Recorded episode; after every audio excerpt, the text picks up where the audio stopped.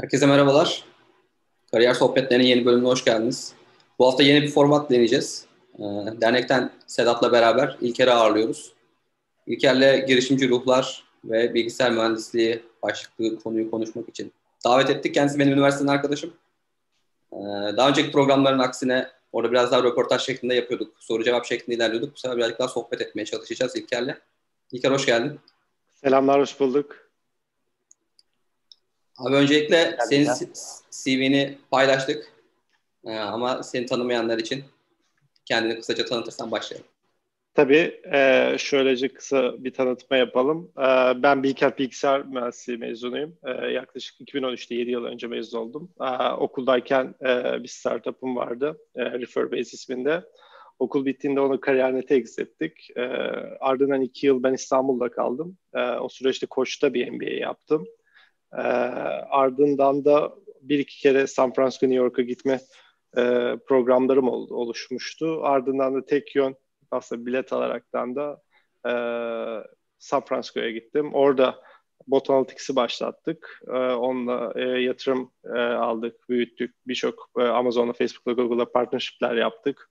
E, Forbes'ta Third Under 30'ye seçildim e, globalde. E, ardından da e, 2020'nin başı itibariyle de Founders Effect adının altında bir kitap e, yazmaya başladım. O da bir iki ay içerisinde çıkacak. E, çok kısa özetle aslında böyle. Süper. Ben şeyi bir e, tekrar açıklayayım. Hani bu programdan ne bekliyoruz en azından şöyle söyleyelim. E, şimdi genelde bilgisayar mühendislik deyince daha bir teknik bir meslek anlaşılıyor ve bu işteki standart güzergah işte öğrencilerin mezun olduktan sonra ya akademiye ya da bilgisayar mühendisi olarak piyasada çalışmaları şeklinde devam ediyor. Hani e, çoğunluğa baktığımızda girişimcilik birazcık daha üçüncü sırada. Ve mesleği de tam olarak icra edemediğim bir alan.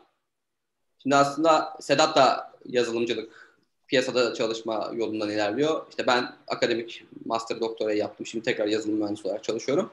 Seni de diğer yönde ilerlemiş birisi olarak davet ettik. Şimdi benim en azından birazcık daha böyle anlamak ve e, detaylandırmak istediğim konu hani biz niye bu tarafa gittik, sen niye o tarafa gittin? Sen zaten tam yollarımız Bilkent'te çakıştı ama zaten geldiğimiz yer farklıydı. Senin o tarafa gideceğin o zamanlardan belli miydi? Yoksa belli bir zaman sonra bir aydınlanma yaşadığında hani işte daha böyle girişimcilik tarafından yöneldin. Biraz daha benim niyetim bu. Anladım.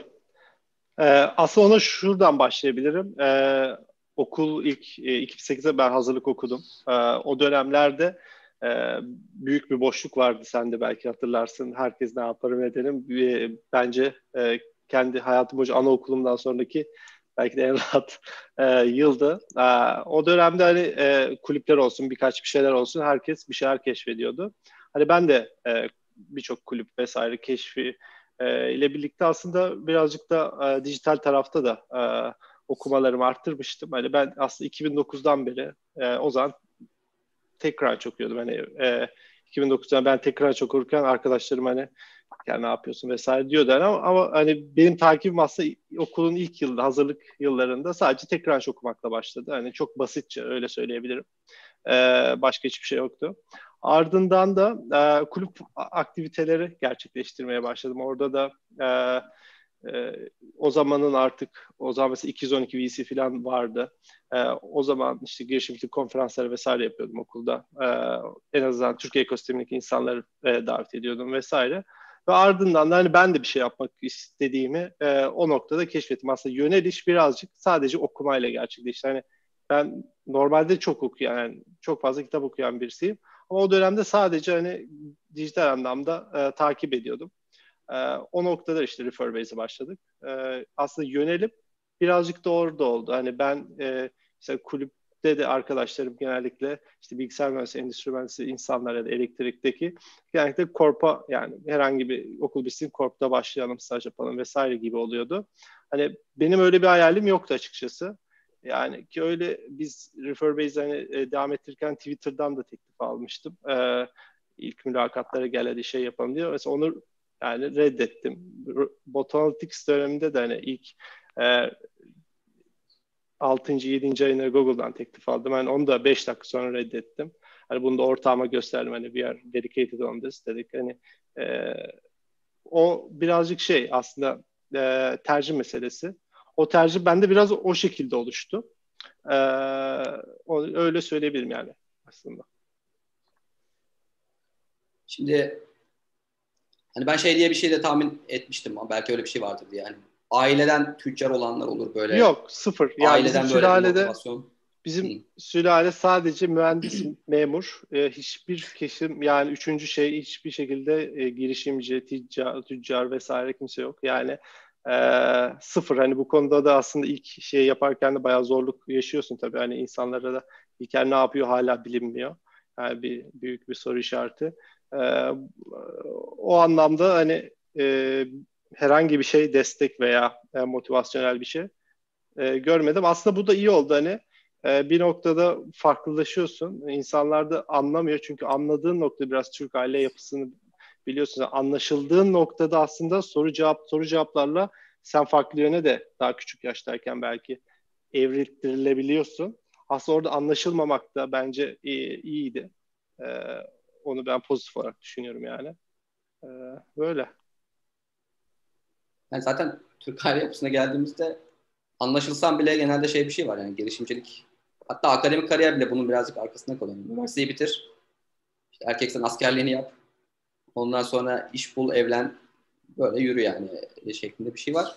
Ee, beni de bayağı Şimdi master doktora yaparken ya bu çocuk iyi galiba bir şeyler yapıyor. Amerika'ya falan da gitti ama daha hala da okuyor modunda bir şey vardı. O anlamama bayağı akrabalar arasında devam eden bir olaydı yani.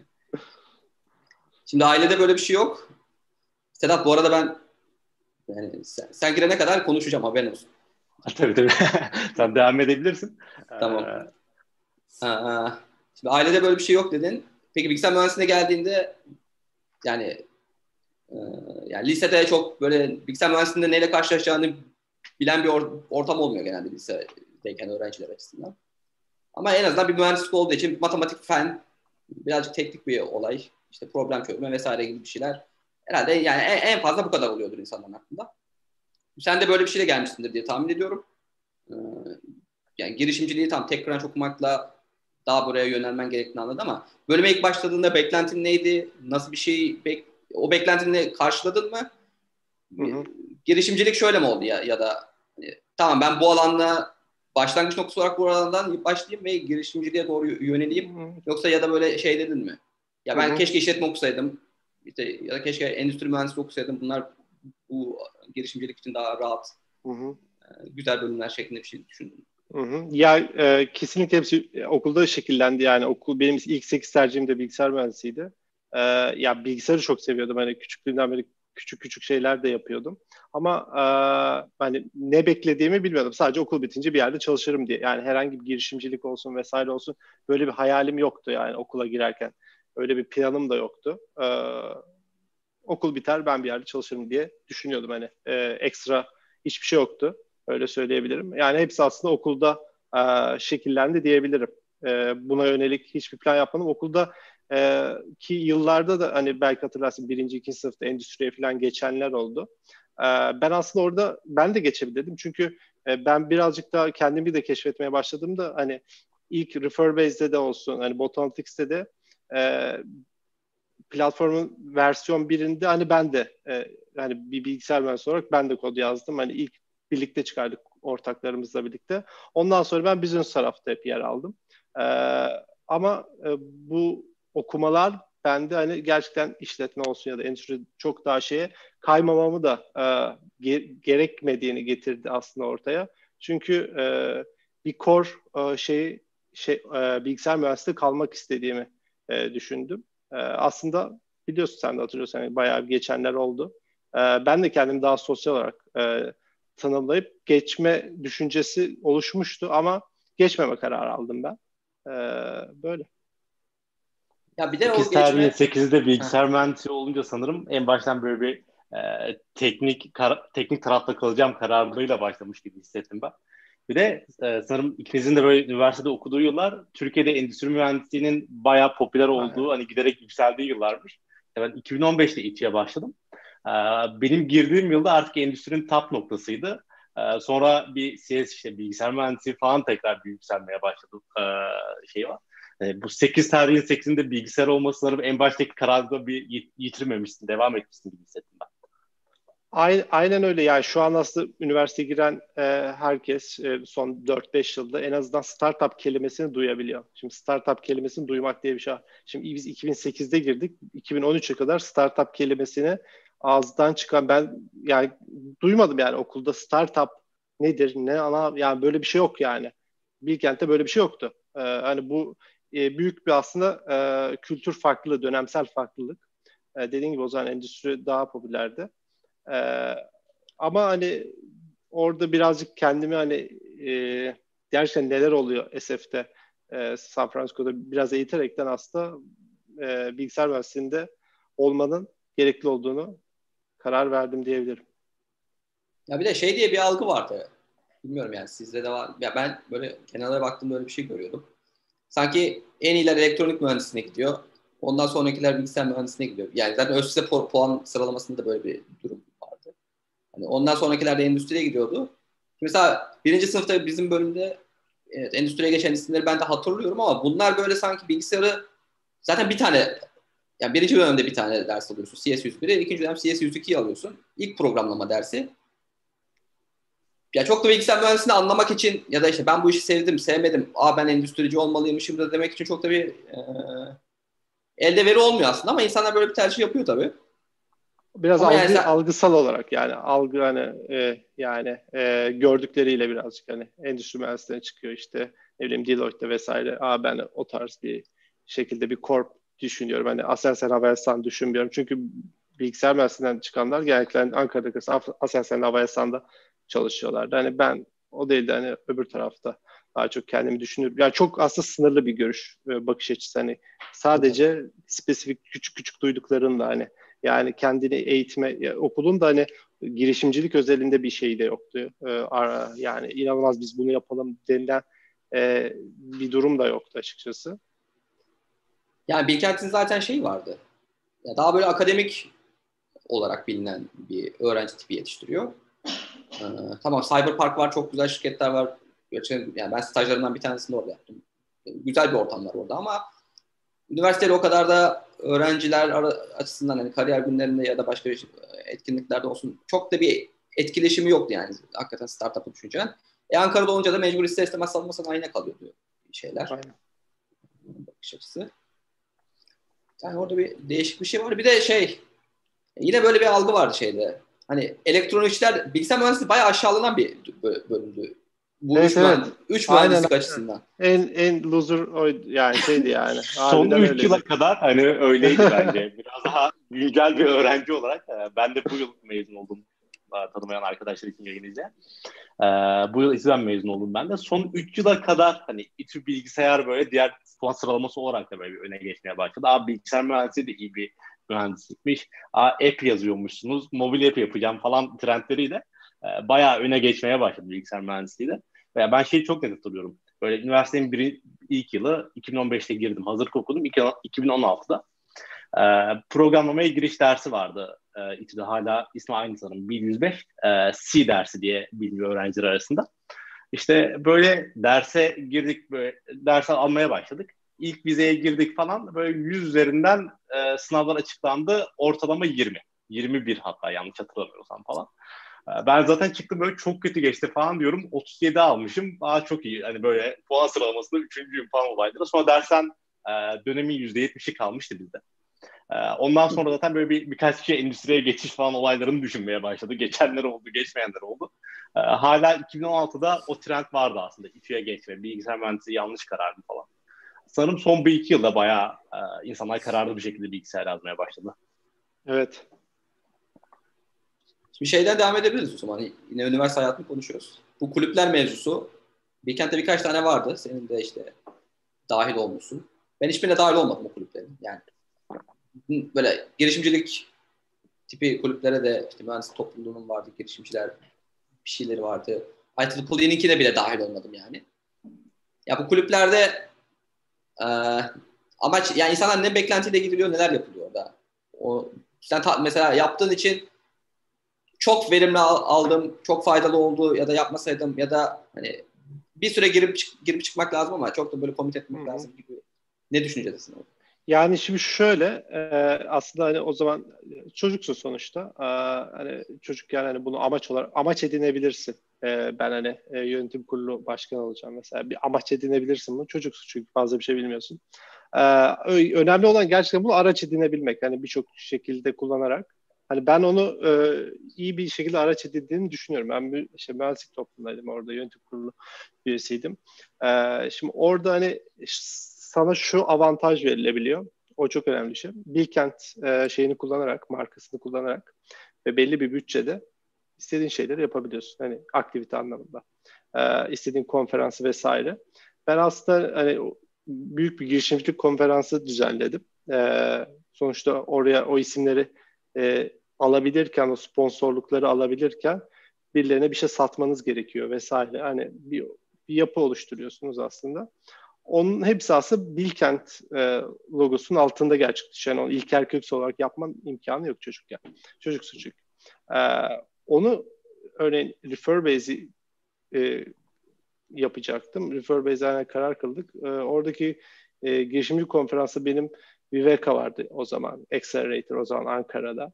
Hani onlarla olan e, connectionlarım ve birçok aslında insanla connection'ım aslında e, topluluğun bana e, verdiği e, nasıl diyeyim görev ya da benim e, orada e, yarattığım sıfırdan bir şey yaratmıştım. Hani bazı 6 yıldır, 7 yıldır devam eden etkinlikler olan ben bunu sıfırdan yapmak istemiştim. Çünkü o benim günün sonunda girişimimi destekleyecek bir olaydı.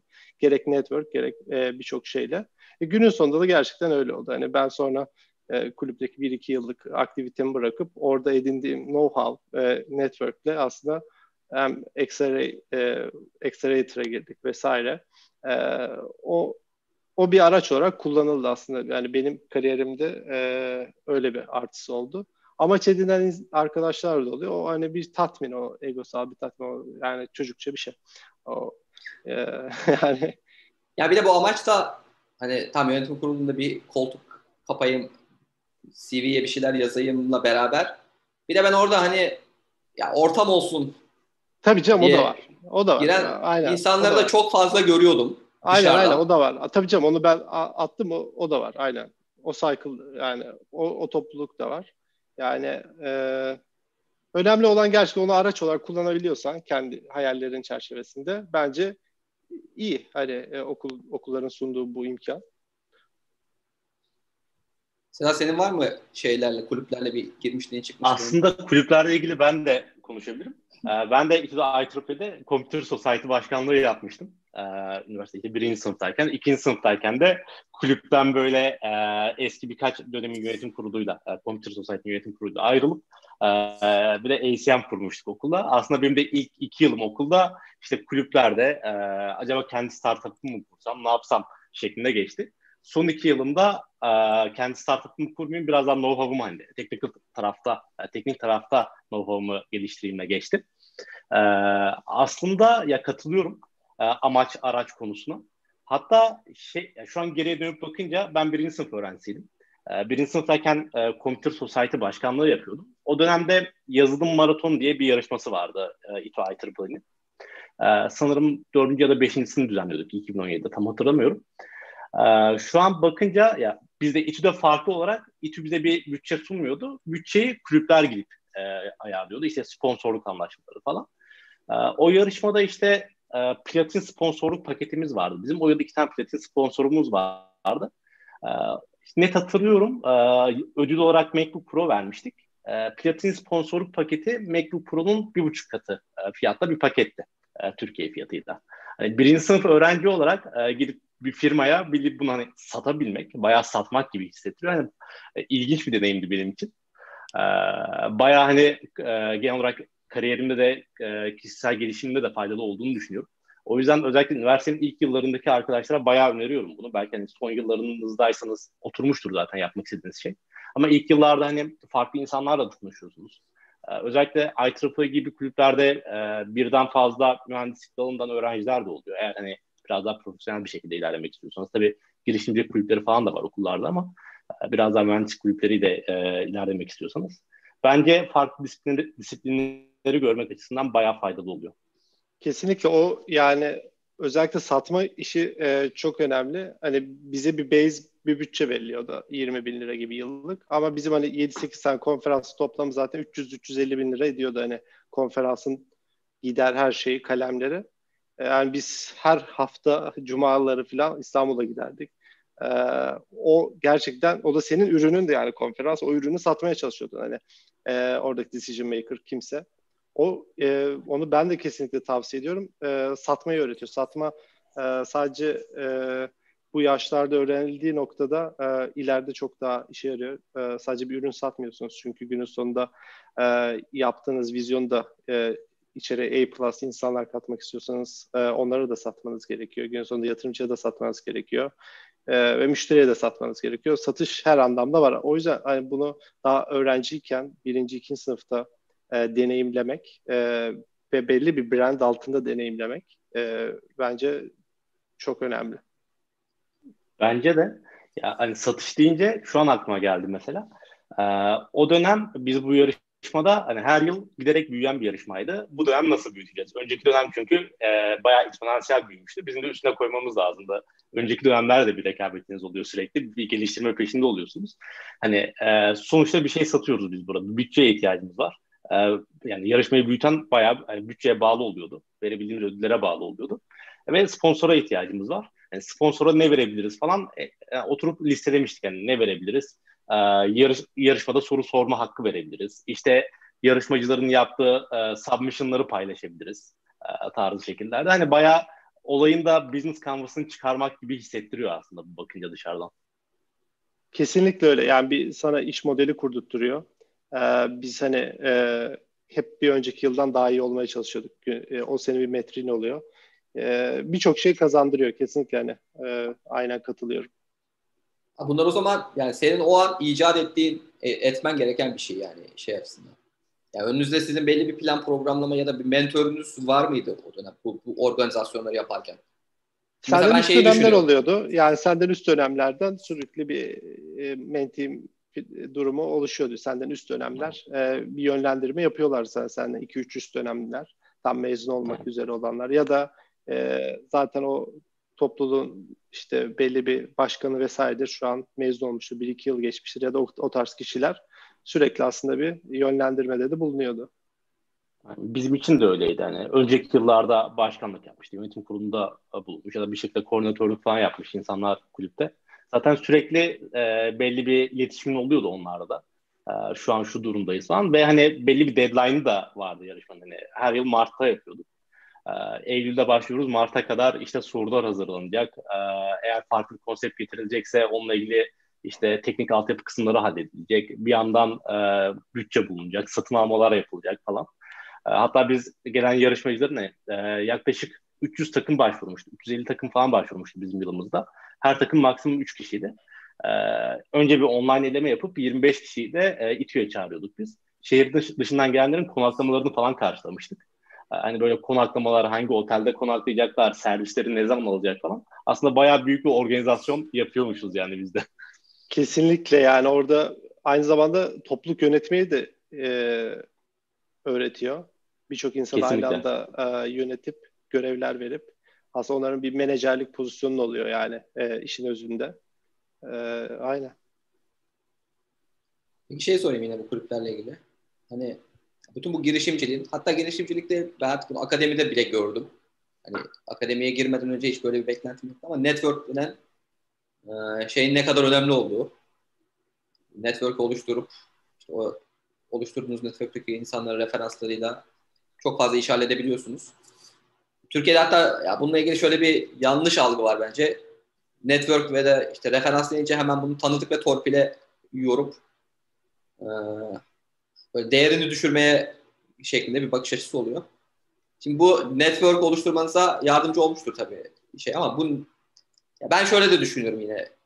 Neticede mezun olduktan sonra iş ben şirket tarafındaki insan olsam önüme CV geldiğinde ya da ben burada çok fazla şey davranıyor olabilirim.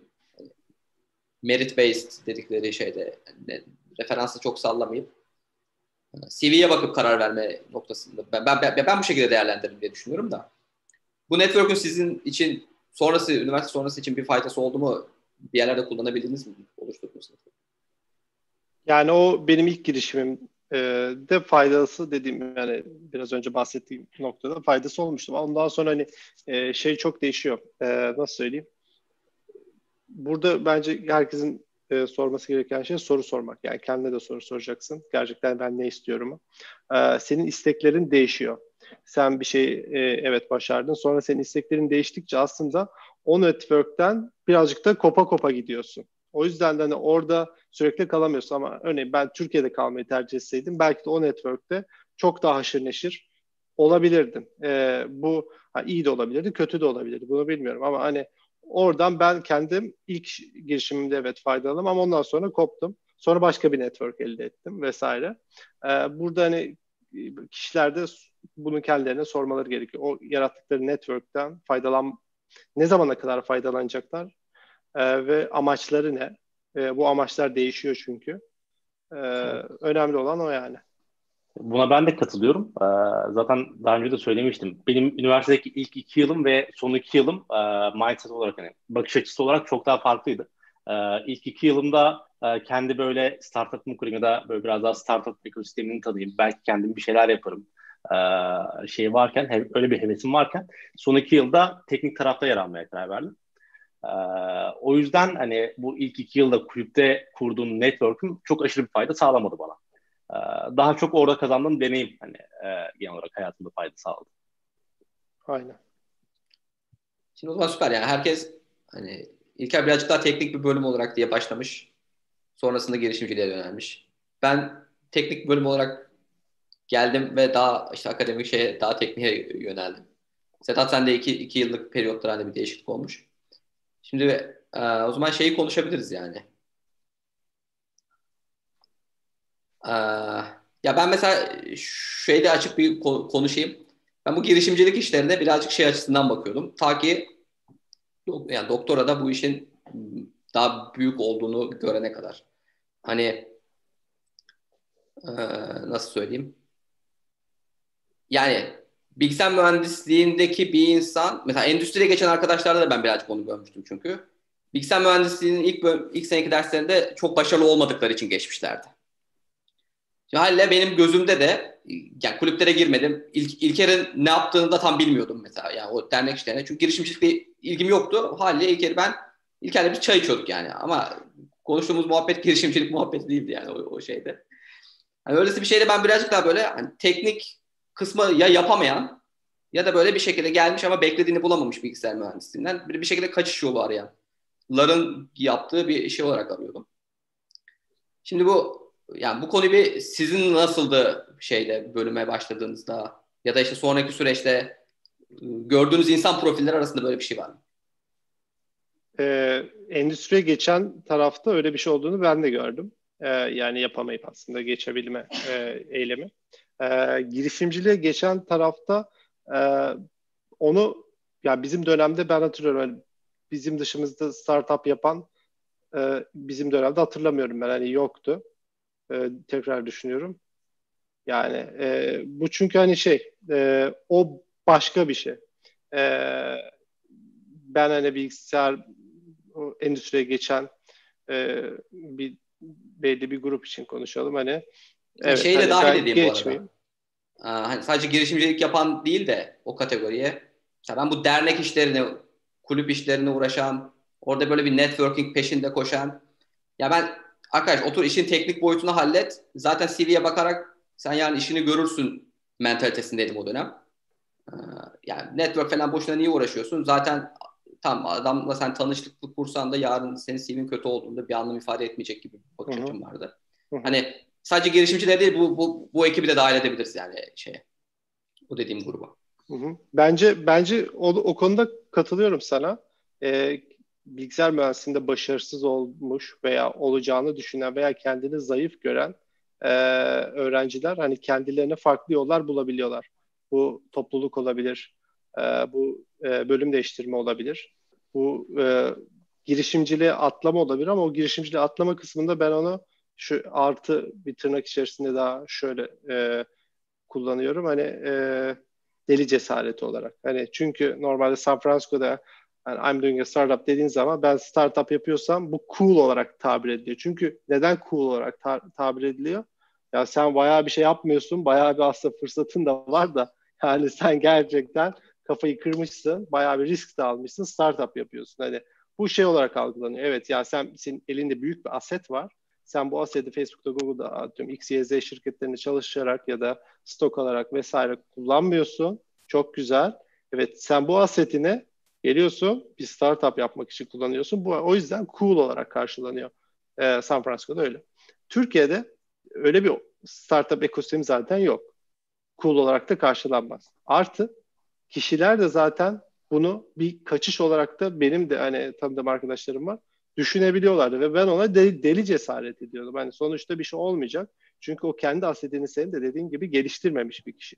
O kendi asetini geliştirmediği noktada da istediği kadar network yapsın ya da şey yapsın bir e, core asset gelişmemiş oluyor. Yani o core assetin e, gelişmesi gerekiyor. Eğer bu core asset bilgisayar mühendisliği ise bilgisayar mühendisliğinde veya endüstri mühendisliğinde ise endüstri mühendisliğinde yani bunun koru neyse kendisinde core olarak neyi görüyorsa e, aslında onun çok sağlam olması gerekiyor ki bu temel yapıyı üzerine e, atsın. Yani tabii bu, bu Koraset dediğin gibi bence de yani bir şeyi oturtup bir de şey de önemli yani hani no, iş ne olursa olsun bir işte bir altyapı sağlamak, bir işe komit edebilme yeteneğini geliştirmek yani hani ben önümü bir iş yani sorumluluk bilincini o disiplini kendine oturtmayı hmm, sonra gelişimci olacaksan da olmayacaksan da tamamen farklı okuduğum bölümden başka bir iş yapsan da bir şey oturtmak gerçekten önemli. Sonrası süreçte bayağı faydalı oluyor. Kesinlikle öyle. Şimdi e, refer base'i hani sürekli bahsediyoruz. Biraz refer base'e ben geçmek istiyorum. Onu da şöyle söyleyeyim. Şimdi sen önce istersen refer base'i çok kısaca bir özetle. Ben soruyu ondan sonra sorayım sana. E, refer base'e ilk şöyle başlamıştık. Hani e, etrafındaki e, yeteneklik olan kişileri e, bul olaraktan bunu e, ardından da coding dikeyinde gerçekleştirdik. Kariyer.net satışında da daha çok e, pozisyonlamayı da ona göre yaptık. Yani e, senin örneğin PHP yeteneği var. O, o zaman LinkedIn endorsement'ı yoktu bu arada. E, e, bizden bir yıl sonra LinkedIn endorsement geldi ama bizdeki endorsement gibi de değildi. E, biz hani o zaman işte Neo4j vardı, Graph Database kullanıyorduk. Senin mesela PHP yeteneğin var, benim PHP yeteneğim var, senin e, atıyorum Java yeteneğim var. Ya da ben doktorum, bende hiç bu yetenekler yok. Benim senin gidip de PHP yeteneğini oylaman bir puan sayılmıyordu. Yani 0.1 sayılıyordu atıyorum. Ya da bana verilen referansların ağırlıkları bana mesela PHP yeteneğime e, 9 ayrı kişinin e, den referans verilmiş. O 9 ayrı kişinin de PHP yetenekleri bayağı üst düzeyde. Onların da bir e, skoru var. E, onlardan sonra ben sana PHP yeteneğini oyluyorsam seninki atıyorum 2.1 filan artıyordu gibi gibi günün sonunda e, etrafındaki yetenekli kişileri buluyordu. E, bu da aslında bugün bile yapsam ben hala savunuyorum. Bugün bile çok değerli bir şey. Keşke Amerika'da yapsaydık onu. E, buradan da duyuruyorum yapabilirsiniz. Yani bu çok değerli. E, biz bunu e, o zaman da şeydi aslında bir girişimcilik dersimiz vardı. E, Emre Oto aynen Stanford'dan gelmişti. Onda kendi şirketi vardı. O ders de güzeldi. Onunla da arada sürekli konuşuyorduk. Hani evet yani o zaman Türkiye olarak e, şey yapmıştık tabii market e, olarak e, marketi belirlerken hani kariyer nette rakip olarak çıkma gibi. Biz hep aslında öyle konumladık kendimizi. Bütün e, işte girişimcilik etkinliklerine e, işte refer based sign up ile girme falan filan etkinliklere refer based sign up ile girmeye bu iş bayağı bir şekilde hani böyle dallandı budaklandı. Hatta Foursquare vardı o zaman popülerdi. Foursquare girişi bile yaptık. Onu da şey için yaptık hani e, ben işte şu hangi işte Java'cılar hangi mekanda takılıyor bir de sosyal yetenek vardı işte tenisçiler hangi mekanda takılıyor falan filan gibi. Neyse e, öyle bir projeydi açıkçası. E, e, ve okul e, biz işte o zamanlar şey vardı Startup Turkey o zaman çok popülerdi yani tek etkinlik oydu belki de ee, biz ona da katılmıştık. Orada tanışmıştık işte Kariyer.net ekibiyle de. Ee, onu da oraya e, entegre ettik işte iki yılda. Ee, Klarnet içerisinde hala bir feature olarak kalıyordur belki de bilmiyorum. E, o süreçte öyleydi. Orada şey, güneş vardı elektrikten. Ekim vardı bizim bilg, e, bilgisayardan. Üç kişiydik. Aa, e sizin o üçlü ekibinizi hatırlıyorum ya. Ç- çete gibi dolaşıyordunuz sonra. şey peki bu Referbase'de kullanıcı tipleri var mıydı ayrı ayrı yani hani işveren, iş arayan, recruiter Aynen o yoksa... sonradan kariyernetteyken işte kariyernette onu direkt biz recruiterlara satmaya gidiyorduk yani.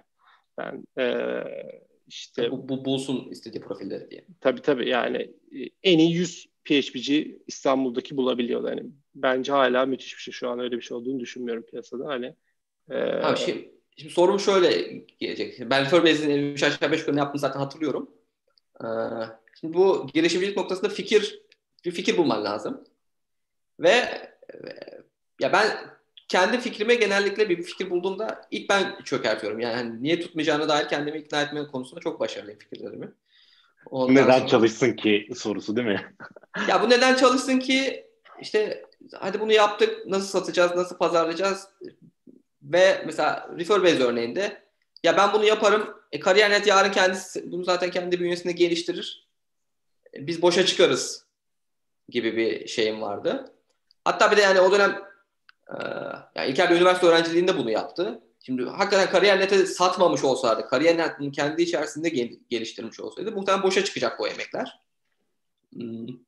Yani burada işte bu mevzuya nasıl yaklaşmak lazım bu fikir geliştirmeye? Benim benim e, o konudaki e, şeyim e, şu e, fikrim her fikir tutar. Yani her fikir bir noktada tutar. Yani her fikrin ben başarılı olabileceğine inanıyorum. Her fikrin.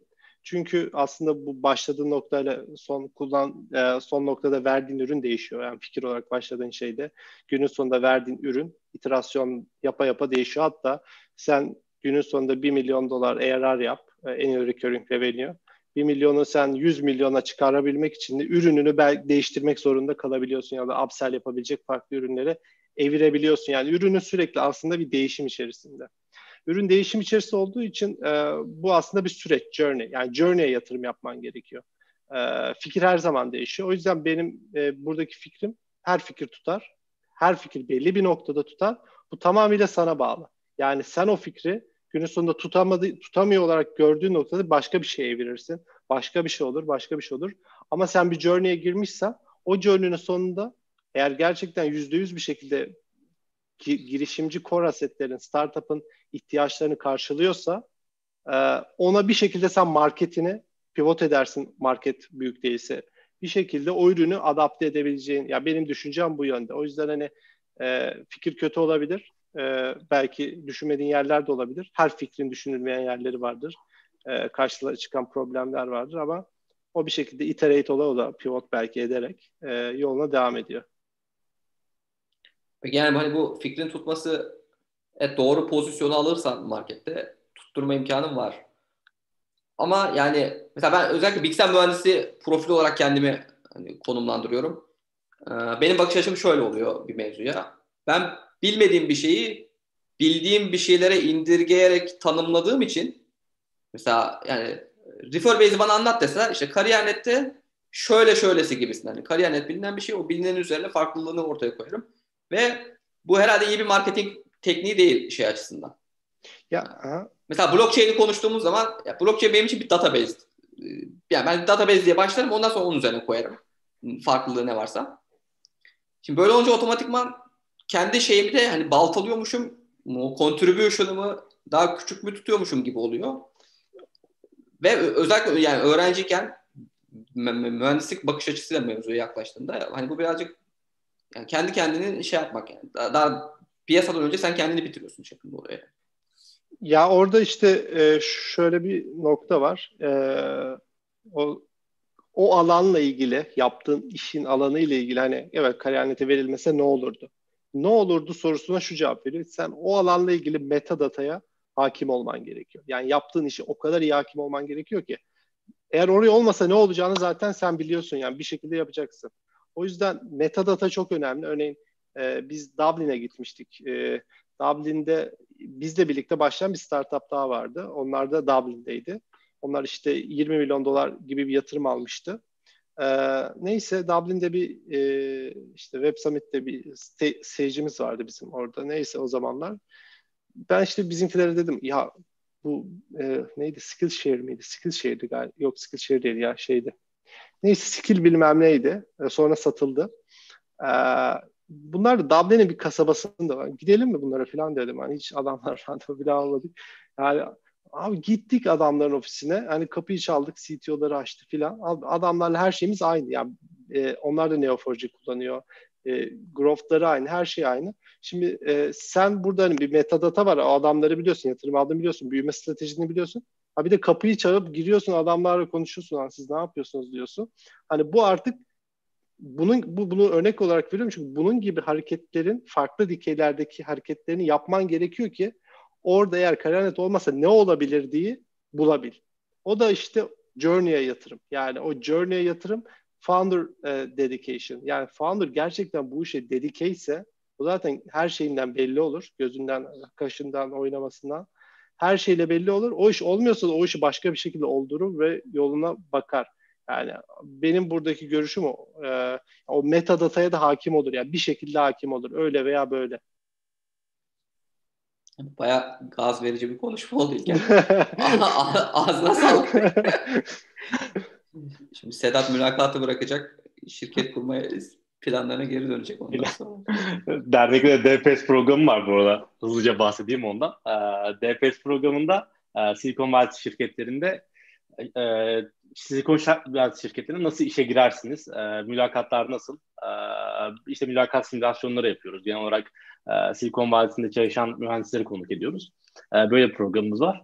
E, bu konuşmanın üzerine programı kapatıp ya da belki biraz daha hani startup pets falan mı yapsak? Topluca evet yani girişimci olabilirsiniz ekip olarak. Yani Aslında o zaman böyle. ben şeyi soracağım yani. Türkiye'de bilmiyorum bir bilginiz var mı? Benim hiç yok. Ya da işte San Francisco'da nasıl oluyor? Şimdi bir de ben baktığım zaman böyle her yerden birazcık girişimcilikle ilgili bir araştırma yapayım, şey yapayım dediğimde oradan mentörlük programı, buradan koçluk programı, buradan liderlik programı ya böyle atlıyorlar yani üzerime ve ben şeyi ayırt edemiyorum. Bunların hangisi kaliteli hangisi değil ayırt edemiyorum. Bir de üzerine hani meşhur hikaye var. Altın toplamaya giden adamlara hani kürek satma mevzusu. Yani bunlar böyle hani girişimcilere kürek satarak bu mentorluk programlarıyla kendi ceplerini dolduruyorlar gibisinden de bir böyle izlenimim var. Ya burada hmm, hatta senin NBA ile de bağlayabiliriz belki bunu. Hani neler anlatılıyor, insanların ne yönde gelişmeleri sağlanıyor ee, ve ne kadar faydalı oluyorlar. Ya şöyle aslında e, ben NBA'yi şu, e, şu yüzden yaptım. E, bu işin gerçekten finans tarafını bilmiyordum. Hani ben e, gerçekten hani benim NBA'de öğrendiğim en önemli hani diye en önemli ne olmuştu dersem finans olmuştur. Hatta finans master'da yapsam olabilirdi hani. E, çünkü diğer konuları marketing olsun vesairenin çünkü NBA'de corp- corporate marketing anlatılır. Bir startup marketing anlatılmaz. E, diğer birçok ders hani e, belli bir bu, bu diğer dedikleri biraz açar, açalım da şey açısından hani ne ne var finansın ve marketingin dışında? Kaç ee, dersti, kor- nasıl bir yüktü hiç MBA bilmeyenler için? Ya tabii startup dersi de var içerisinde. Corporate governance dersi var. Hani e, corporate yaşamda senin ihtiyacın olabilecek her türlü ders var öyle söyleyeyim. Yani kendini de seçebiliyorsun. Ama sonuçta MBA hani Türkiye'de bence hani en iyisi koçtur. Ee, koç da senin gerçekten corporate bir yaşamda yaşama hazırlayabilen bir MBA var. Hani ben bunun finans tarafını aldım çünkü bana finans lazımdı. Ee, ve aslında programı da ana e, gitme nedenim bir kısmı da Yale'deydi hani. E, koçu da aslında bu yüzden e, tercih etmiştim. Bana finans tarafında bayağı e, şirket değerlemeleri vesaire vesaireler hani e, yardımı dokundu. Hani Yale'e gidip orada farklı bir e, daha global bir ortamda gördüm. Hani o noktada da iyiydi. E, aslında NBA'yi bu yüzden tercih ettim ama e, hani e, işin çıtasını farklı bir yere koymak isterseniz de hani biraz daha maddi yükün altına da girmek isterseniz hani gidip Stanford'da da MBA yapabilirsiniz. Hani e, onu da zaten herkes de tavsiye edebilir. Hani bilgisayar mühendisliğinden gelip de hani MBA yapmak şart mı? Hani startup yapmak için diye de bir soru sorar sorduğunu düşünelim. E, şart değil kesinlikle. İnsan kendini çok hızlı bir şekilde geliştirebiliyor. Kesinlikle şart değil. Ama e, yani Stanford MBA'in her zaman her zaman San Francisco'da e, bir şeyi vardır. Hani e, o title, title'dan ötürü mü? Aynen. E, network'ten de ötürü, title'dan da ötürü. E, hem network hem title'dan ötürü. E, her zaman ya bu hani yatsınamaz bir gerçek bunu ben ben de burada tekrar klişe bir şekilde söyleyeyim. E, o yüzden hani şart mı? Şart değil. Olsa iyi ol, olur mu? Olur. Ama tabii yapacağınız şeye bağlı. Ben hani o iki yıllık süreçte Koç MBA'yi aradan çıkarabileceğimi düşündüğüm için yaptım. Ee, hani part time bir şekilde hızlı hızlı yaptım. Hani ona artı bir senemi ayırmadım. Onu söylüyorum yani. Yani o bitti de ben bir sene Koç MBA yapayım, hazırlanayım gibi bir durumum yoktu. Öyle bir zaman da harcamak istemiyordum. O, süreçteyken araya yedirilmiş bir e, programdı benim için. Peki bu NBA şeyleri ya burada Stanford dediğin muhtemelen 100 bin dolar civarında bir şey ödüyorsundur. Daha da fazla. Ya iki yıllık iki yılda daha da fazla. 108 yani. tane kadar çıkar yani. Tamam. Şimdi Türkiye'de e, bu kadar pahalı değil ama ve şimdi Amerika'da mesela doktoraya başvurduğun zaman komple burslu başvuruyorsun ama NBA'de sen hakikaten cebinden veriyorsun. Burs imkanları çok çok az. NBA'de ee, benim, benim bursluydu NBA ama e, çok az burs veriyorlar. Yani genellikle ücretli yani. E, Türkiye'de de ücretleri yani coaching en yüksektir. E, yani çok az burs verir yine. E, sınavlar ve e, mülakatlı sonrasında. E, Stanford'da da yine burs alabilirsiniz ama çok yine sınırlı yani. Evet. Tamam ya bu burs burs mevzusunu bir şey yapalım NBA noktasında diyelim. O yüzden gündeme getirdim. Peki tamam Sedat'a kontrol ettim. Sedat ekleme yapacak gibi durmuyor şu an. Burada belki ben şey sorabilirim. Ee, NBA'den falan bağımsız farklı bir konu konu olarak da ee, dışarıdan bakınca Türkiye'deki startup ekosistemi hakkında ne düşünüyorsun? Ya biraz hayal satmalardan falan konuştuk. Ee, sence hani Türkiye'deki startup ekosistemi özellikle dışarıdan bakan bir göz, göz olarak e, nasıl ilerliyor? Ee, özellikle ne bileyim e, yatırımcılar ve co-founder'lar arasındaki ilişkiler gözlemleyebiliyorsan eğer. E, ya şöyle aslında yani benim ilk e, sta, Türkiye'de Türkiye'de yaklaşık hani 5-6 yıldır Türkiye'de neredeyse değilim. Ee, ama ilk e, şeyi yaptığında Refurbase zamanındaki ekosistemle şu andaki ekosistem arasında de, bence dağlar kadar fark var. Ha bu artış yeterli bir artış mı? Bence değil. Kesinlikle değil. Yani Türkiye gibi potansiyel yüksek bir ülke için hani bu artış, artış dediğim accelerator'ların artışı, startup mindset'in artışı, edu- people, insanların e, daha educated olması bu konuya, VC sayısının artması vesaire ama bakıldığı zaman yine e, e, yeterli kalitede founder e, yok, kalitede founder yok. Founder yok demem, yeterli kalitede founder yok. Bu yeterli kalitenin olabilmesi için de bir ekosistem oluşması lazım. O ekosistem nasıl oluşuyor? O kişiler startuplarda çalışıyorlar. Startuplarda bir kültür elde ediyorlar. Sonra onlar da bir startup yapıyor vesaire. Ee, bunun oluşmadığı için yeter yani founder var ama yeterli kalitede founder yok. Ya ee, founder'ın founder'ın kalitesi derken e, startup kültürüne sahip olmasından bahsediyorum sanırım e, değil mi? Yani herkes bir girişim yapabilir ama hani gerçekten bir girişim yapmak var. Hani e, bir şey yapmak var. E, bu aslında birçok founder var. O yüzden hani VC'lerin fonlarının fazla olmamasının e, yavaş yavaş artmasının nedeni hani yüksek fonlu bir VC yavaş yavaş fonları artıyor. Tabii e, oradaki nedenlerin bence en büyüğü de e, gerçekten yatır, yatırım yapılabilir e, girişimlerin de az olması. E, bu da büyük bir etken. Ama hep bu yumurta tavuk bir şeyler başarılı olmalı ki e, ekosistemde o başarı içerisinde pay alan insanlar da bir şeyler başlatsınlar ve onlar da e, tekrar ekosisteme girsin. Sonra VC, VC sayısı artsın ya da fonların büyüklüğü artsın. Tabii bunun başka koşullar var ekonomik e, e, ülkenin ekonomik durumu olsun, başka e, durumları da olsun. Hani onlar da etkiliyor. O nedenle hani evet 10 yıl önceye göre kesinlikle bir gelişim var ama hani e, yani San Francisco ekosistemiyle yani ya da ne bileyim Berlin ekosistemiyle, Londra ekosistemiyle, Tel Aviv'deki ekosistemle karşılaştırılamayacak bir şey var. Hani ben hani Tel Aviv'de de bayağı bulundum. İşte Berlin'de de Londra'da da hani burada birçok startup e, etkinlikleri olsun, şeyler olsun hepsine katıldım. Hani oradaki ortamlar genellikle başka. E, Türkiye'nin e, dediğim sorunları var. E, ama bunlar zamanla da hallolabilecek şeyler. Yani bundan 10 yıl sonra yine biz başka şeyler konuşuruz. Evet yine arttı deriz. Fon sayıları artmış olur, başarı hikayeleri artmış olur vesaire vesaire. Ee, peki, orada olan... Peki, sence bu ekosistemi ileriye taşıyacak olan e, ne bileyim Berlin'de, Londra'da, Tel Aviv'de ya da San Francisco'da bir şekilde bu kültürü özümsemiş kişilerin bir şekilde Türkiye'de bir şeyler denemesi mi yoksa sence Türkiye'de hem hem politik hem ekonomik sebepler yüzünden farklı bir kültür mü kendi kendine büyüyecek ya da büyümeli? Yani e, şöyle düşünüyorum ben özellikle e, bence pandemi de e, burada bence bir game changer oldu. E, Birçok e, gelişmekte olan ülke için. Bunlar arasında Türkiye'de var bence. E, ya günün sonunda e, ben ilk San Francisco'ya gittiğimde şu netti. Yani gerçekten bütün founderlar SF'de olması gerekiyor. Hatta sen takımın da hepsi SF'de olması gerekiyor. Daha çok para raise et, burada kal. Daha çok para ver, sorun değil ama burada kal. Bu ekosistemde kal. Daha çok VC'den para raise et ama burada kal. Yani bu mindset buydu, kesinlikle buydu. Şimdi pandemiden sonra yani şey söz konusu bile değildi. Remote ben Türkiye'den geleyim yatırımı bu söz konusu değildi. Hani böyle bir şey yoktu. Şu anda ama hani pandemi sonrasında e, sadece founderların o da San Francisco'da değil belki Amerika'da olması e, takımın remote bir şekilde dağılması e, özellikle VC'den para raise etme noktasında e, kabul edilebilir bir noktaya geldi.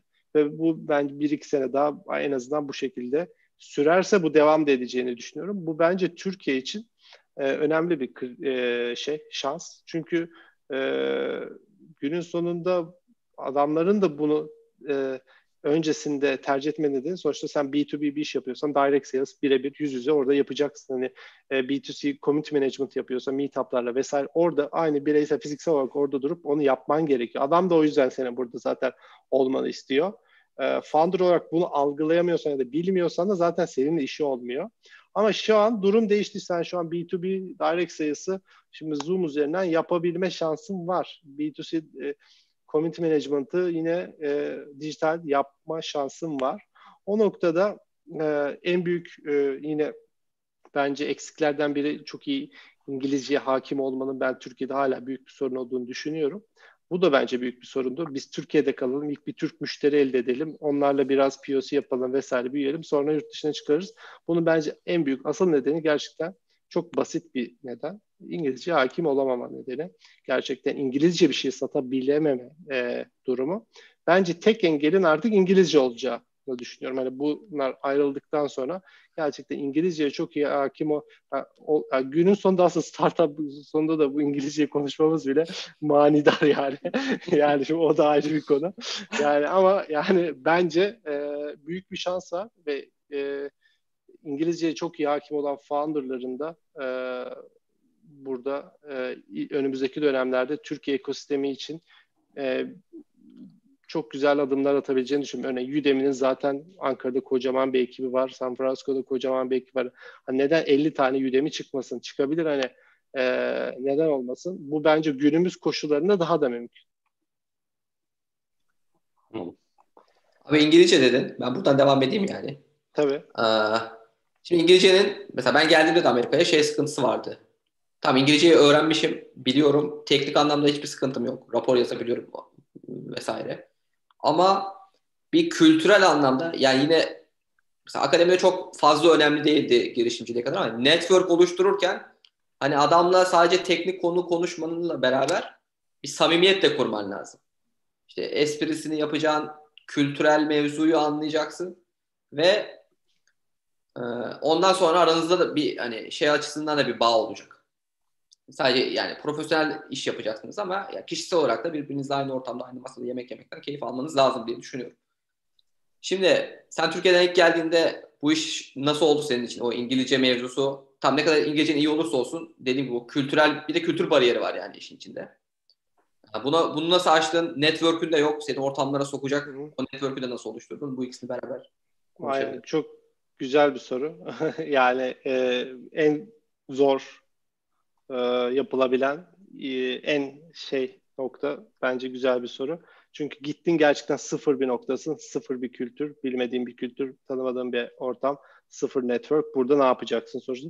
Ya orada founderların, e, ben onu da hani kitapta da anlatıyorum, kendi core assetlerini çok iyi bilmeleri gerekiyor. Ya benim core assetlerim ne? Ya bu sorunun cevabı e, çok önemli. Örneğin hani ben çok iyi bir e, tenis oyuncusuyum. E, yani e, üniversitede ders de veriyordum. Daha sonra da ders verdim. Hani benim ilk işim direkt tenis kulüplerine gidip tenis kulüplerinde bir analitik sistem var mesela. Orada isimler yer alıyor oyuncular. Onunla LinkedIn'i mesh etmek oldu. Yani LinkedIn'i mesh edip işte VP Marketing, Levi's ne bileyim işte şeyler. Benim satış yapabileceğim e, insanları ben hani e, tenis kulübünün analitiğiyle LinkedIn'i matchleyip ben onlarla tenis oynuyordum. E, bir şekilde onlarla etkileşim haline geçiriyordum. Ve hani normalde zaten iletişim e, kurmanın introduction yapılarak gidemeyeceğin insanlara kendi asidemi kullanaraktan zaten sen çok iyi tenis oynuyorsan onlar seninle hep oynamak istiyor.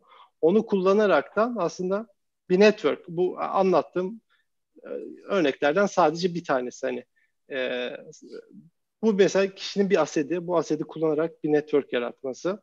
E, bunlardan biri. Hani o yüzden founder'ın gerçekten kendi asetlerini çok iyi tanımlaması e, ve ona göre de o ortamını yavaş yavaş oluşturması gerekiyor. Sonra e, meetuplarda konuşmacı olarak çıkmaya başlamam vesaire onlar da hep aslında e, biraz kar topu etkileriyle örneğin e, SF'de şey vardı High Growth Academy diye bir şey. Ben orada mesela e, ücretsiz de, ders vermek, growth ders vermek için başvurmuştum. Hani e, yani bu arada Amerika gittiğimde İngilizcem ders verebilir hani şey anlamında o dereceydi. Hani o önemli bir şey. Hani orada sıfırdan e, hani İngilizce muhakkak gelişiyor tabii ki de e, onun da yine altını çizmekte fayda var. Ben ücretsiz ders veriyordum orada. Orada bir ekosistem oluşmuştu. Ücretsiz ver, veriyordum o dersleri. Daha sonra o akademinin kurucusu işte Mesh.com'un founder'ıydı. Onunla tanışmıştım. O, o beni başka private network'lere almıştı. Seri A, B, C yapmış founder'lar. iki haftada, üç haftada bir yemek yiyorduk. 10 kişi falan.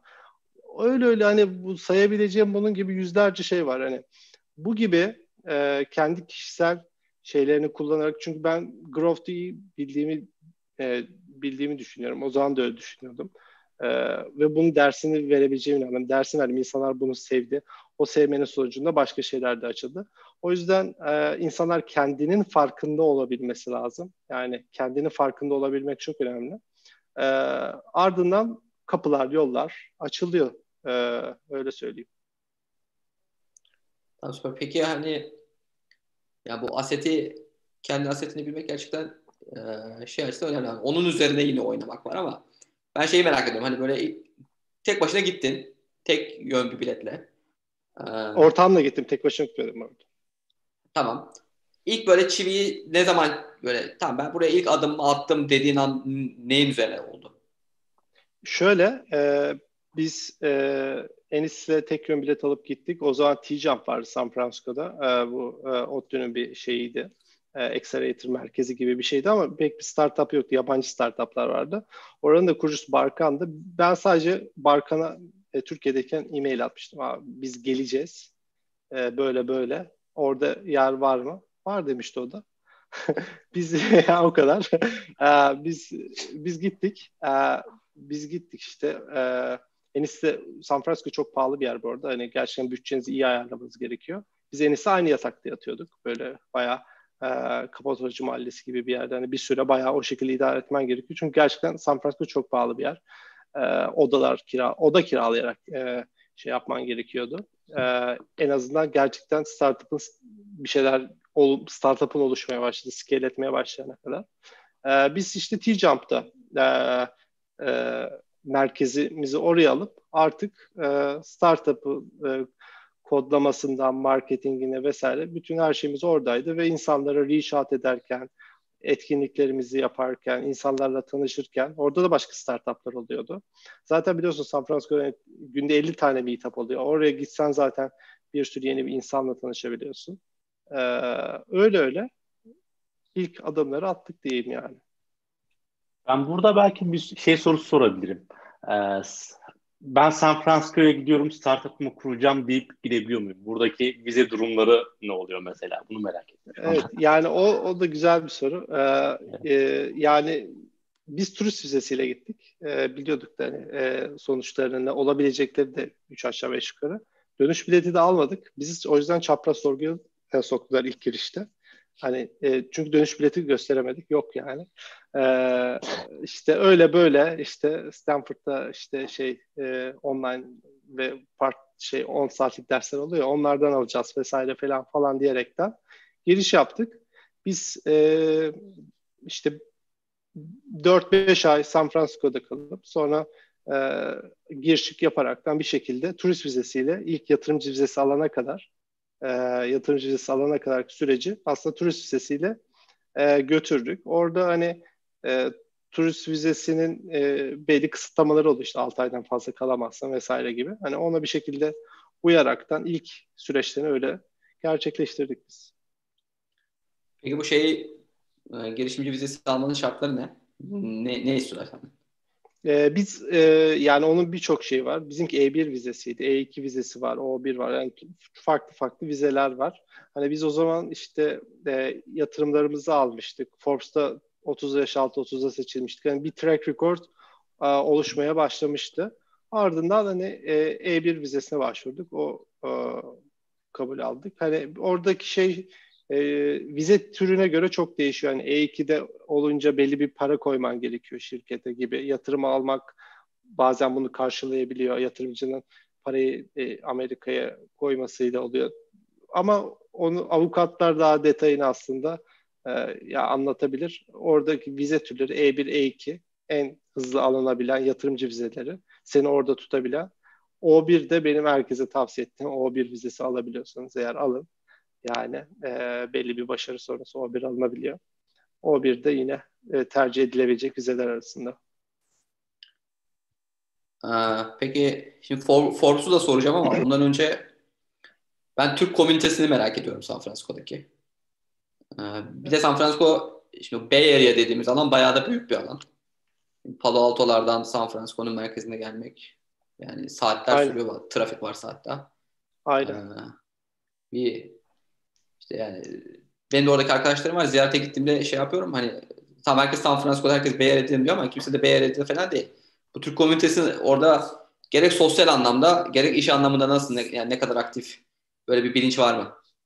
Ee, öyle bir bilinç yok bence. Ee, aktif olduğunu da düşünmüyorum ama e, sonuçta hani görüştüğün e, e, görüştüğün ve e, birbirinden ilham aldığın insanlar oluyor. Örneğin biz Botantics pivot, Botantics'i pivot ediyorduk startup. Hani tam geçiş dönemi tam pivot etsek mi etmesek mi diye düşünüyorduk.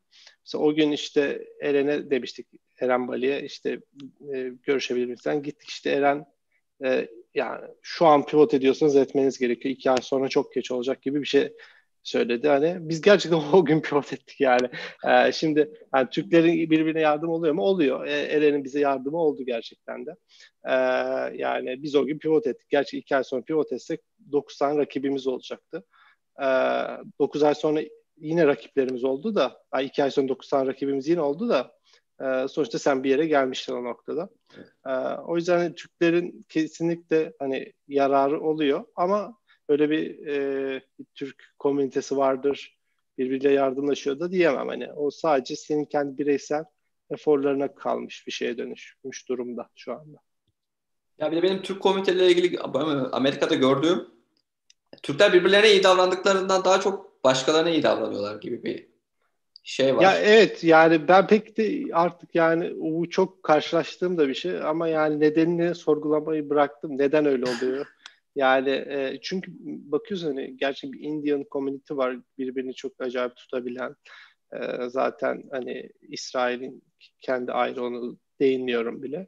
E, hani iyi komüniteler var birbirini gerçekten yukarıya çeken komüniteler var. Hani bunu ben en azından son 5 yılda pek göremedim. Ama kendi bireysel e, ilişkilerinle de e, o e, Türk e, yardımlaşmasında yaratabiliyorsun. En azından e, başka arkadaşlarımdan da gördüğüm o şekilde.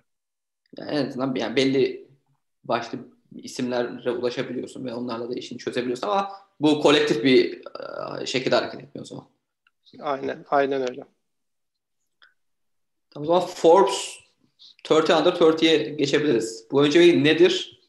Bir de bu listeye hadi benim yaşım tutmuyor artık. Sedat girmek istese nasıl girecek? Abi şöyle e, yani Forbes 30 under 30 globalde biz seçildik. E, o zamanlar ülke ülke yoktu. Şu an benim bildiğim ülke ülke var. Yani Türkiye'de de bir Forbes 30 under var diye biliyorum ama ne kadar yani yani var da hala devam edecek mi onu bilmiyorum. Yani bizim zamanımızda bir Avrupa bir e, global vardı.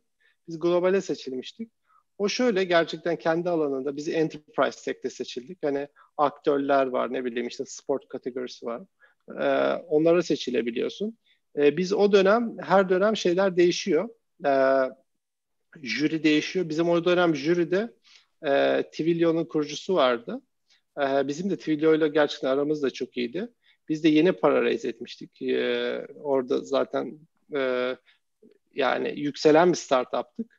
Ee, orada e, başvuruyorsun aslında yani başvuru normal herkes başvurabiliyor. Oradaki değerlendirmeler jüri seni değerlendiriyor hani biz kesinlikle bir temas veya görüşme olmuyor. Ee, giden startuplar veya insanlar değerlendiriliyor. Ee, ben herhalde oradan e, seçilmiştir. Yani onun da bilinirliğiyle de seçilmiştir diye düşünüyorum. Çünkü tam çok yükselişteydi bizim e, o zamanki yapı. Siz startup olarak mı gittiniz, bireysel mi var? Yani bireysel gidiyorsun ama tabii ki yaptığın işe baktıkları Hı. için yani, yani e, startup'ına da bakıyorlar. Günün sonunda hani bireysel hani İlker Köks olarak gidiyorsun tabii ki ama hani İlker ne yapıyor hani? Peki yani bu sana verdikleri e, 30 under 30 listesine girmen ortağında girdi mi? O başvurdu tabii, mu? Tabii ikimiz de başvurduk. E, ikimiz de başvurduk. O da girdi. O zaman bu da enteresanmış yani. 30 kişilik kontenjana bir şirketten iki kişi almaları. Bizi bir olarak görüyorlar bu arada. Hmm, tamam. Okay. Yani e, biz bir grup olarak alın. Yani o o tabii ki çarptığınız zaman 60 kişi oluyor. Ama hani bizi bir olarak görüyorlar. Tamam. Şimdi bu, listeye Bot Analytics'te yaptığınız işlerle, onun bilimleriyle. Tabii genellikle hep yaptığın işlerle giriyorsun. Yani e, özeti o. Bir de o zaman Bot Analytics'i konuşalım. Asıl şu an yaptığın, çok aslında şu anda aktif olarak yapmadığın ama seni bu listeye sokan Aynen. E, şirket ne yapıyor? Şu anki durumu ne? Ve sen ne yapıyorsun bu şirkette şu an? Biz e, ilk başka bir aslında product'la başladık San Francisco'da. E, buraya pivot ettik biraz önce anlattığım hikayeyle. Biz o zamanlar işte hackathonlara giriyorduk sürekli işte bir şekilde kendi runaway'imizi de arttırmak için işte hackathonlardan para raise etme gibi birinci, ikinci vesaire olunca e, ödülleri biliyorsun hani daha farklı Amerika'da. E, o dönemler bu Conversation Analytics tarafına girmiştik. E, ve orada da çok iyi bir büyüme e, büyümeye e, e, büyüme sağladık. Ya yani bunu da biraz açıklarsak yani Amazon Alexa ya da Google Home kullanan varsa evlerinde Türkiye'de henüz yok ama e, konuşmayla yani Siri gibi konuş komutlarla e, app'leri e, kullanabiliyorsunuz. Yani botları aslında chatbotları kullanabiliyorsunuz. Biz de onların analitiğini veriyorduk. E, Amazon Alexa'nın ana partneri, işte Google Home'un ana partneriyiz. E, bu şekilde bir buçuk milyon dolar raise ettik. E, Türkiye'de sonradan bir e, şirket açıp Subsidiary orada da bir ekibimiz oldu. E, bu şekilde aslında Botantik yolcu da ben de e, bu yılın başında hani e, e, aktif görevimi bıraktım. Orada da bir annemin işte e, kansere yakalandığını e, öğrenmiştim. E, şimdi yüzde yüz atlattı. E, ben de farklı bir e, yolculuğa girdim yılın başından. Teşekkürler. E, yılın başından itibaren. E, Botantics'e devam ediyor şu anda. Tabii şirket devam ediyor. Sen aktif değilsin ama Tabii. E, yani ortaklıkta da bir sıkıntı. E, ben ben yani e, ortağıma aktardım. E, şeylerimi e, exit ettim e, ortağıma ama e, şey gibi yani düşünebilirsiniz. Exit olduğundaki şeyim e, korunuyor gibi de düşünebilirsiniz.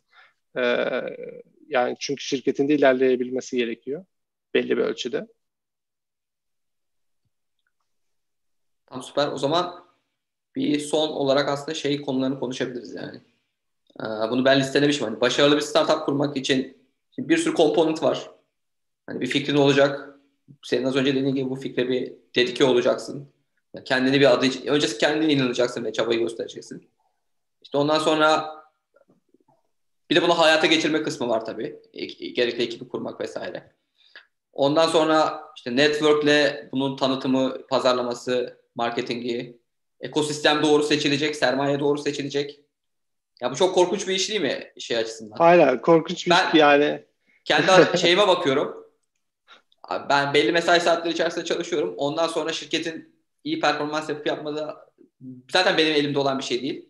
Yani e, Google ölçeğindeki bir şirket zaten müdahale edemem.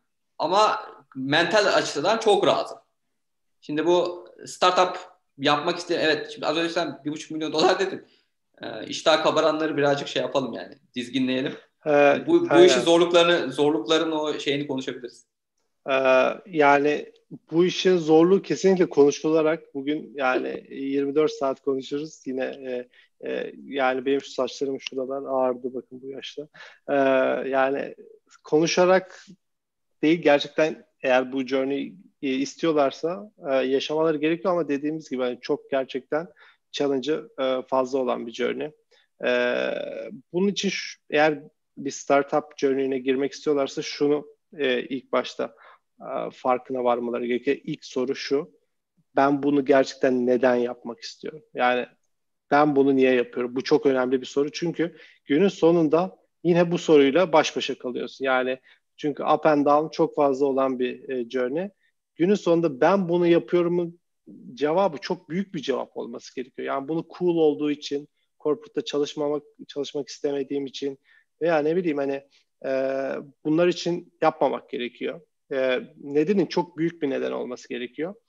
Bu neden de kişinin kendi e, kendi storiesinden geldiği zaman büyüklüğü o zaman aslında ortaya çıkıyor. Yani benim kendi kişisel hikayemden bu gelmiş olması gerekiyor. Örneğin ben Botanix öncesinde e, Google'a 8 aylık bir mobile analytics consultancy vermiştim. E, orada e, gerçekten mobile engagement rate'leri falan o zaman aslında bu işin içerisinde çok daha iyi girdim. Ve günün sonunda oraya evrildi. Hani e, e, bu koç koç döneminde ben hani Google'a bu consultancy de vermiştim. Yani o yüzden kişinin kendisinden geliyor olması lazım hikayesinin ki o yaptığı işe tutkulu bir şekilde girsin. Ardından gelen şey de startup'ın ihtiyaçları ne ve founder'ın asetleri ne? Yani eğer solo founder'san, tek başınaysan bu asetleri karşı, e, bu startup'ın ihtiyaçlarını karşılayabiliyor musun? Örneğin bir big data scaling bir iş yapacaksın. Senin buna asetin var mı? Yoksa yeni bir founder bu. O founder bunu karşılıyor mu? Ona bak gibi. Ee, ya da community management et, edeceksin. Daha önce çok büyük komünitelerin e, community yaratmış insanları ortak al eğer bu aset sende yoksa gibi. Hani e, o startup'ın ilk baştaki product market fitini yakalayabilecek asetler bütünlüğü founder veya founder'larda olması gerekiyor. Ardından bütün iş e, yolculuk yani orada sürekli bir e, gerçekten product market fit'i bulup ardından da scale etme yolculuğu başlıyor. Takımını büyütüyorsun, yatırım alıyorsun. Yatırım alması, takım kurması en kolay konular öyle söyleyeyim. Bu öbür anlattığım çok daha zor. Yani yatırım da alırsın, takım da kurarsın, müşteri de yaparsın. Ama en en önemlisi gerçekten 7-24 bu problemle yaşayacaksın. Çünkü bu problemi çözmek için sen sonuçta bir problem çözmek için bir ürün yap, yaratıyorsun. O problemle e, çözümle değil bakın problemle yatıp kalkıyorsun. E, ve e, bu problem seni rahatsız etmemesi gerekiyor. Yani bu problemden keyif almak gerekiyor.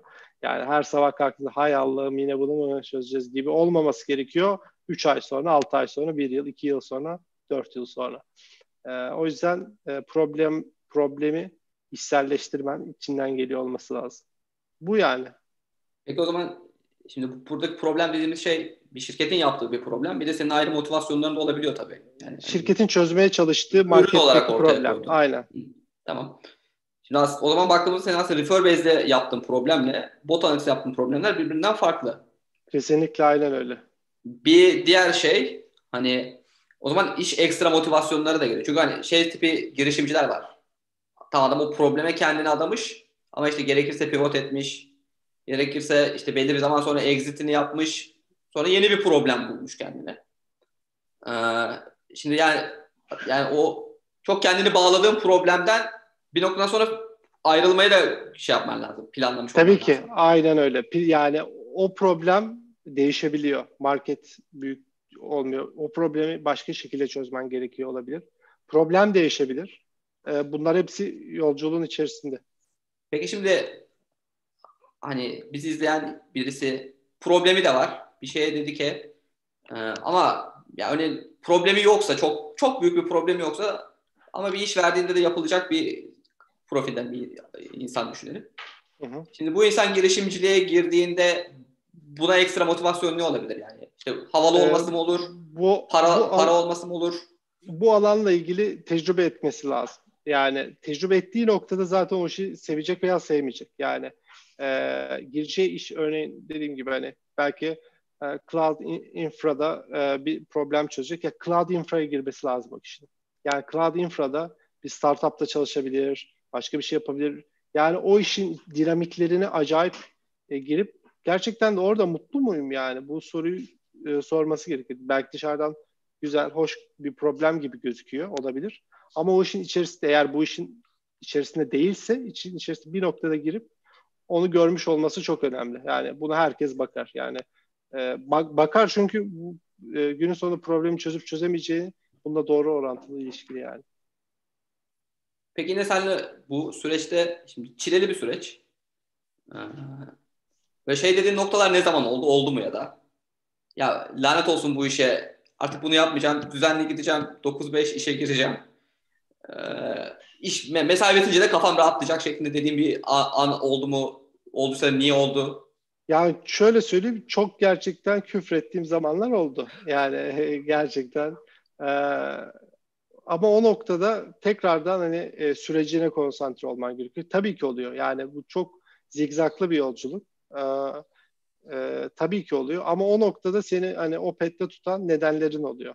Yani o güne kadar o yaşam yaşamışlıkların ve e, gittiğin bir amaç var. E, sana inanan insanlar var. E, hem çevrende belki yatırımcıların, belki ürününü kullanan müşterilerin, güzel yorum yapan, e, severek kullanan müşterilerin. Birçok insan aslında yavaş yavaş o insan topluluğu da seninle birlikte geliyor. Onları da bakıyorsun ve o nokta küfretmeyi bırakıyorsun. Çünkü insanlar yaptığın şeyle ilgili mutlular e, ve iyi bir yere gidiyor. Ve bu belki yaşadığın bir olumsuzluk ya da olumsuzluklar seni kötü etkiliyor olabilir. Ama bunların hepsi geçici. İyi şeyler de geçici, kötü şeyler de geçici. O yüzden tekrardan amacına konsantre oluyorsun. Yani aslında başarıya ulaşmak için biraz yolda kalabil kalabilmeyi başarıyorsan Aynen. Yani günün sonunda ışık e, bir noktada çıkıyor. Aynen öyle. Peki şimdi bir de bir yandan canlı yayın yapıyoruz. İstiyorsan canlı yayına gelen sorularla devam evet. edelim.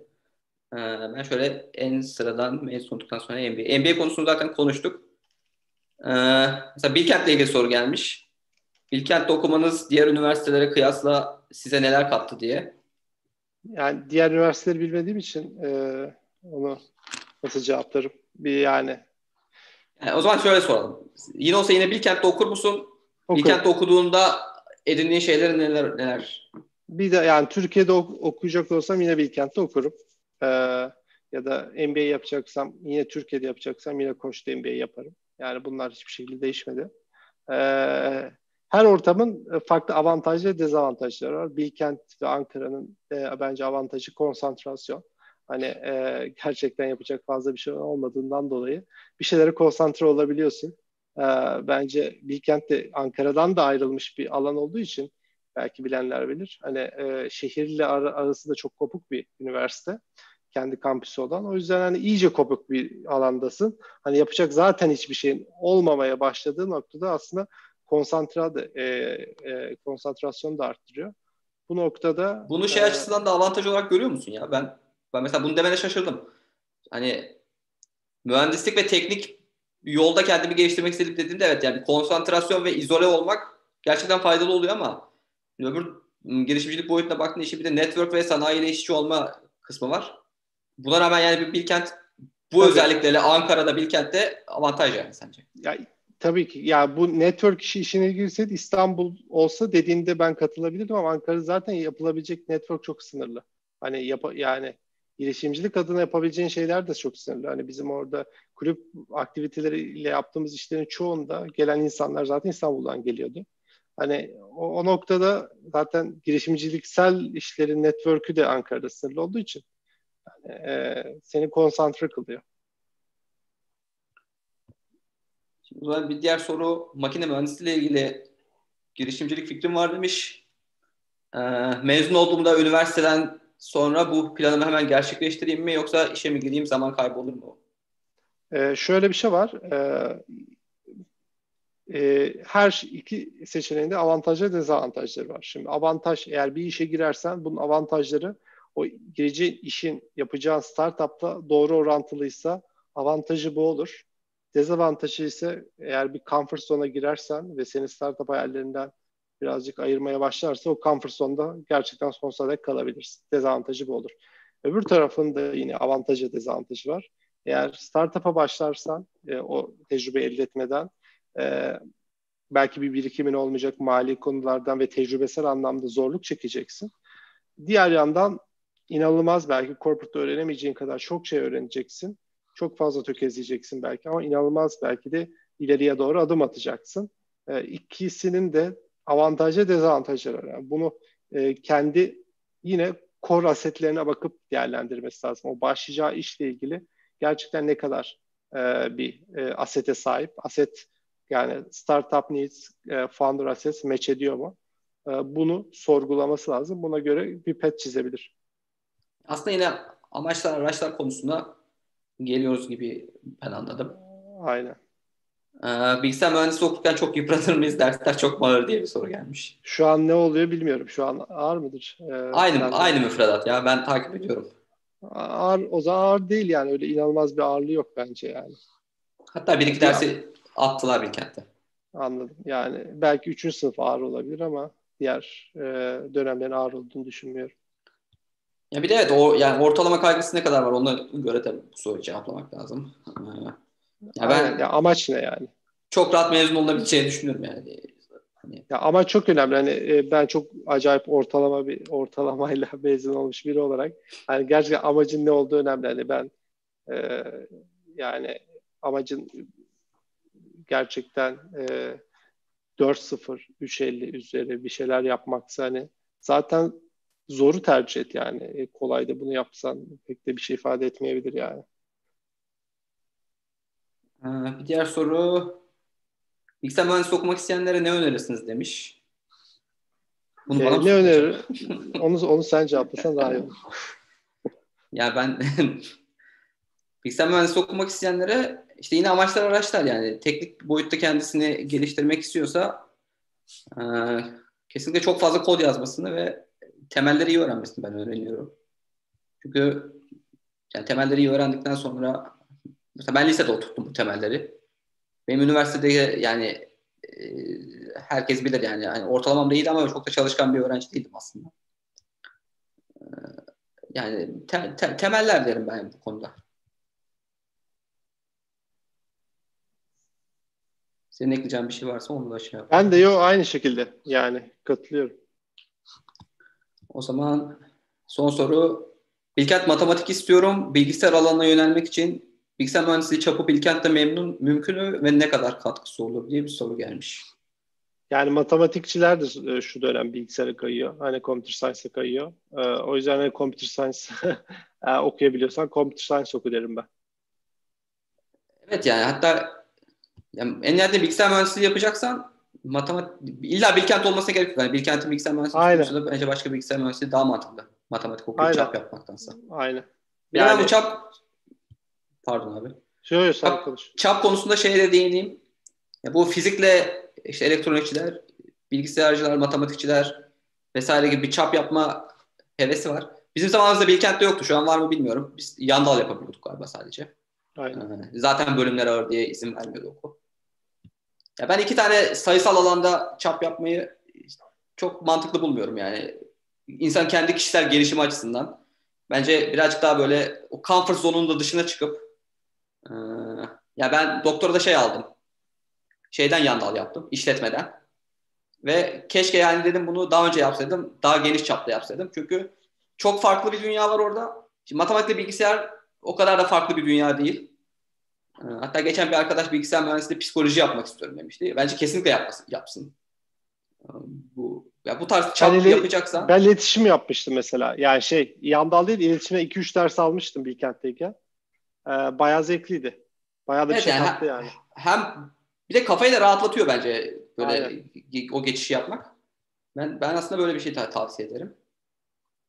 Ee, ve son soru olarak bilgisayar mühendisliği okuyanlar için ikinci yabancı dil ne önerirsiniz demiş. İngilizcenin üzerine herhalde dil soruyor. İngilizceyi çok iyi kullansan ya ona konsantre olsan bence yeterli yani şimdi. Yani şu, şu an sana İspanyolca derim hani birçok şey denilebilir hani ikinci sırada İspanyolca derim ama gerçekten İngilizceyi çok iyi konuşabiliyorsan bence ona konsantre olsan e, daha önemli ben öyle düşünüyorum. Yani evet, herhalde ikinci dile ihtiyaç gelene kadar İngilizce İngilizce ile edinebileceğin o yani ulaşabileceğin noktaların hepsine ulaştıktan sonra yeni bir dile yatırım yapmak daha mantıklı olabilir. Hmm, bilgisayar hakkında çok bilgi sahibi değilim ama bilgisayar mühendisliği okumak istiyorum. Sizce olur mu demiş. Sence olursa bizce de olur. yani o çok şey bir soru yani. Şimdi bilgisayar hakkında bilgi sahibi değilim mevzusu aslında şöyle bir şey var. Bu aslında yeni nesilde olan bir sıkıntı. Mesela ben bizim zamanımızda bil, evinde bilgisayarı olmak yaygın bir şey değildi o kadar da. Aynen. Mesela Şu an inter, internet kafelerin altın çağında biz Aynen. işte liseyi okuduk ve ondan sonra bu kararı verdik. Ve bence herkes gayet de güzel bilgisayar mühendisi oldu biz, e, bizim okulumuzda. Hani yani bilgisayar mühendisliği nasıl bir şeymişi keşfedebilir. Yani gidip mezunlarla e, ya da birinci sınıf, ikinci sınıflarla hani nasıl bir şey olduğunu keşfedebilir. Hani eğer adım atmak istiyorsa. Neye benziyor? Evet yani ben programlama ilk başladığımda işte lisedeydim. Benim o güne kadarki bilgisayarla ilgili bildiğim şey internet kafeye gidip oyun açmaktı. Winamp'ı açıp müzik dinlemek yani. Hani ben bu kadar söyleyeyim. Üzerine eğer bir şeyin üzerine düşük yeterince yatırım yaptıktan sonra olmaması için hiçbir sebep yok. Evet. Ee, bu hızlı soru cevap section'ını çok beğendim bunu. Her videoda yapalım. Bilgisayar mühendisliğinin geleceği hakkında ne düşünüyorsunuz? Bu bölümde olan birçok mezun olmasına rağmen gelecekte önü kapanır mı diye soruyor. Kişisel yani bilgisayar tabii ki çok hızlı değişiyor yani konular çok hızlı değişen gelişen bir sektör e, yazılım tarafı. E, o yüzden hani bilgisayar mühendisliğinden mezun olabilirsin ama bu senin hani e, çok iyi bir e, engineer yapacak, mühendis yapacak bir şey değil. Yani senin burada kendi başına yaptığın şeyler en önemlisi o. Kendi geliştirmek. Yani bu bunu herkes söyleyebilir ama işin gerçekten özü o. Kendi geliştirmen gerekiyor. E, kaynaklar sonsuz. Yani okulda öğrendiğin üzerine çarpı 10 yapabilirsin kendi başına. E, öyle bir dünya var. Bir de yani ne kadar bilgisayar mühendisliği çok mühendisleri çok fazla olsa da sayı gittikçe artsa da talep de hala çok fazla var. Aynen. Hala açık var yani. Açık var ki hatta az önce dediğimiz gibi matematikçiler gelip bilgisayar alanına giriyor. Elektronikçiler gelip hala bir şeyler yapmaya çalışıyorlar. Aynen. Farklı farklı alanlardan çok insan geliyor. Evet zannediyorum daha fazla soru gelmiyor İlker. Tamamdır. Senin son olarak ekleyeceğin e, bir şey ya da izleyenlere bir tavsiyen varsa onu da alalım. Programı kapatabiliriz. Tamam. Ee, şöyle kapatalım o zaman. Ee, hayal etmeyi kesinlikle bırakmasınlar. Hayal çok önemli. Yani bilgisayar mühendisi olup corporate ya da büyük startuplarda çalışacaklarsa da hayal etmeleri çok önemli. Startup yapacaklarsa da hayal etmeleri çok önemli. Ee, bu hayali gerçekleştirmeleri için gereken nedir sorusunu sürekli her gün kendilerine sorarlarsa bence cevapları bulacaklardır. Yani o soruyu her gün kendilerine sormalarını e, öneriyorum. Çok teşekkürler. Ağzına sağlık. Seni burada ağırladık. Bir buçuk saat vaktini aldık. Güzeldi. Ben teşekkür ederim. İnşallah faydalı olmuştur. Evet. Ee, yayınlarımızı takip etmek için kanalımıza abone olabilirsiniz. Ayrıca bu yayınları Spotify'da da paylaşıyoruz. Bizi dinlediğiniz için herkese hepinize teşekkür ederiz. Bir sonraki yayında görüşmek üzere. Hoşçakalın.